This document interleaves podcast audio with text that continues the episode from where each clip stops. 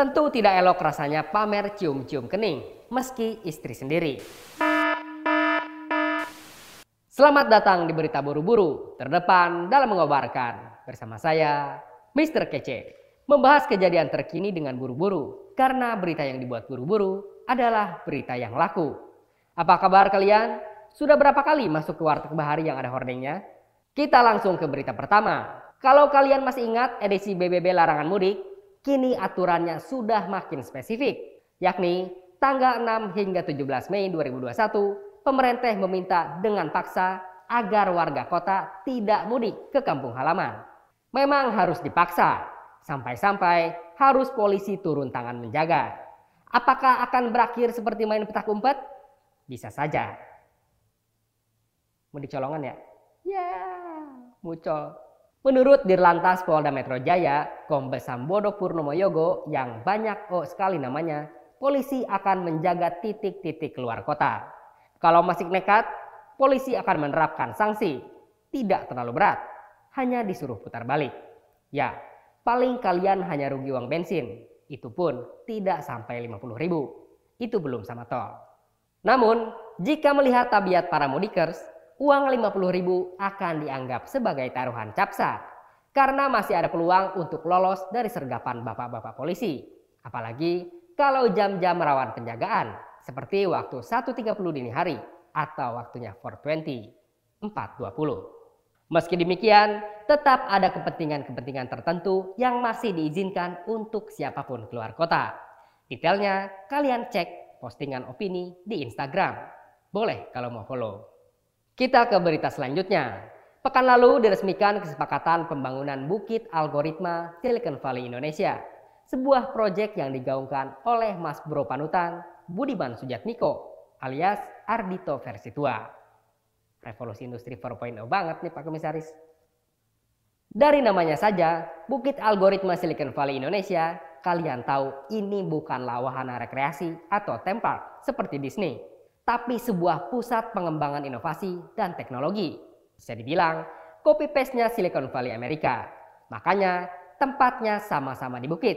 Harus banget biar dapat vibes-nya. Kata Budiman, pembangunan ini adalah sebuah mimpi panjang yang perlahan terwujud.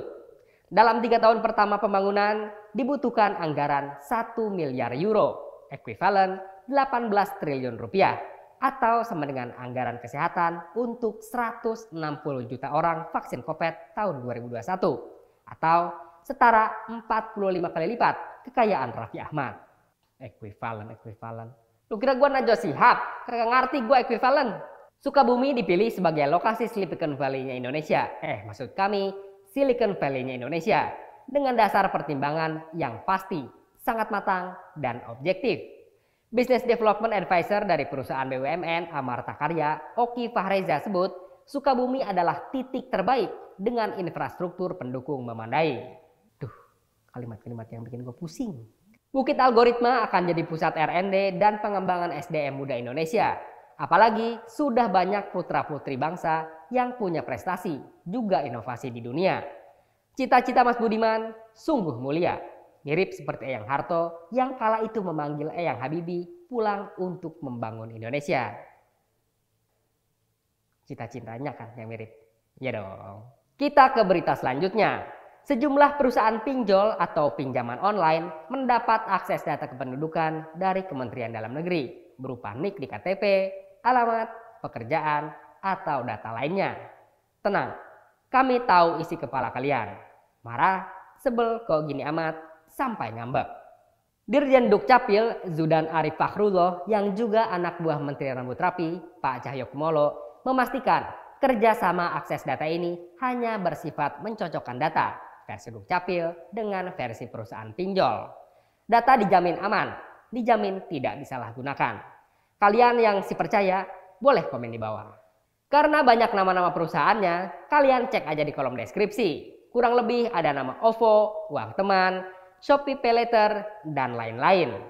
Yang kami sebut, bisa dong kapan-kapan kita ngobrol bisnis. Mewakili perusahaan pinjol, Dino dari pendanaan.com atau Lutfi dari Amana menegaskan kerjasama dengan Dukcapil hanyalah verifikasi data nasabah, Bahkan langkah ini justru dapat mencegah penipuan. Untuk yang biasa pakai jasa pinjol, bagaimana? Masih was-was? Kalau saya sih aman, gak pernah pakai soalnya. Palingan ngebon rokok di toko ucok. Kita ke berita selanjutnya.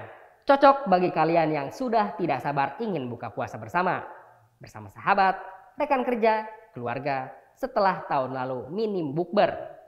Karena ada kopet. Tapi sekarang kan ada kopet juga. Jim. Pasangan selebritas baru Atta Halilintar dan Aurel Hermansyah izin pamit, tapi bukan mau tutup akun. Atta pamit untuk kurangi postingan kemesraan dengan sang istri, Aurel, karena ingin fokus menjalankan ibadah puasa di bulan Ramadan tahun 2021 ini. Tentu tidak elok rasanya pamer cium-cium kening, meski istri sendiri. Namun, sebenarnya kami happy karena akhirnya lihat Atta foto tanpa bandana. Mending kalian nonton program Ramadan Opini Networks. Ada video bareng Muslim dan Coki. Dan masih banyak lagi. Kembali ke Atta, ada pernyataan lain dari dirinya bahwa semakin banyak orang yang iri hingga disimpulkan sebagai pertanda orang tidak mampu. Apakah Atta mencoba menjawab pernyataan Ade Armando? Atau, ah sudahlah, ayo kita meriahkan Ramadan untuk tidak bergibah. No gibah. Kalian juga bisa tonton No Gibah nongkrong berbagi hidayah bersama Habib Hussein Jafar Al-Hadar. Cuma di opini. Biarin, berita terakhir isinya cuma buat bridging promo program Ramadan Opini. Kalian suka kan dengan konten-konten Ramadan kami? Demikian berita buru-buru kali ini. Berita buru-buru yang meski tidak terlihat lemas, percayalah, kami juga tetap puasa. Dan untuk seluruh saudara kita di Nusa Tenggara Timur dan Malang, Jawa Timur yang tengah tertimpa musibah, kami turut berdoa dan kami doakan agar semua lekas kembali normal. Sampai jumpa di edisi selanjutnya, masih bersama saya, Mr. Kece.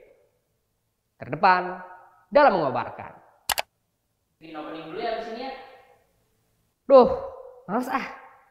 Udah mau nyari tajil gua. Penang opening.